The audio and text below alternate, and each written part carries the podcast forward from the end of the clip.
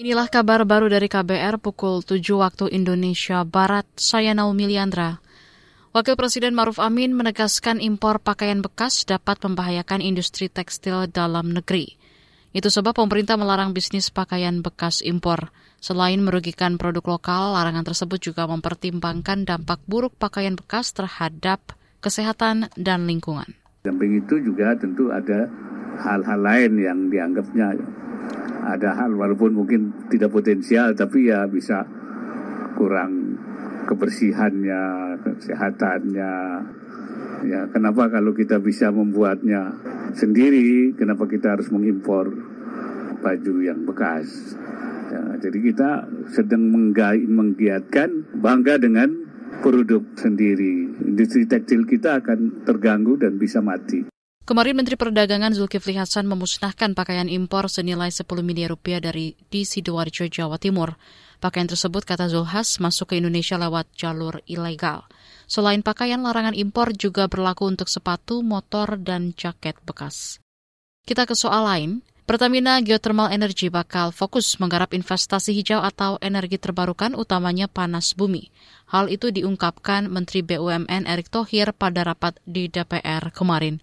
Pertamina Geothermal Energy telah meraup dana segar 9 triliun rupiah lebih melalui penawaran saham perdana ke publik atau IPO pada akhir Februari lalu. Menurut Erick, ini adalah aksi korporasi terbesar kelima di Bursa Efek Indonesia.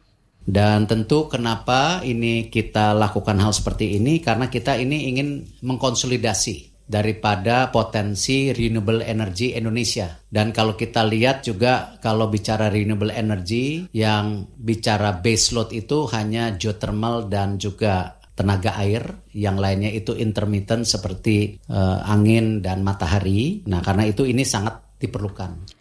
Menteri BUMN Erick Thohir mengungkapkan potensi energi panas bumi di Indonesia mencapai 24 gigawatt. Ada tiga BUMN yang menggarap sektor ini yakni PLN, Pertamina, dan Geodipa.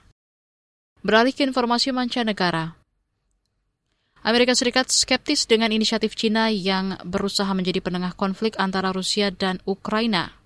Dikutip dari CNN, Gedung Putih menolak seruan gencatan senjata karena bakal menguatkan penaklukan Rusia di Ukraina. Meski begitu, pertemuan Presiden China Xi Jinping dan Presiden Rusia Vladimir Putin tidak mengejutkan bagi Amerika. Sebab rencana itu sudah beredar beberapa pekan terakhir. Amerika khawatir intervensi China dalam konflik Rusia-Ukraina akan mengubah dinamika atau bahkan memperpanjang peperangan. Presiden Joe Biden berulang kali memperingatkan agar Xi tidak memihak Rusia. Demikian kabar baru saya Naomi Liandra.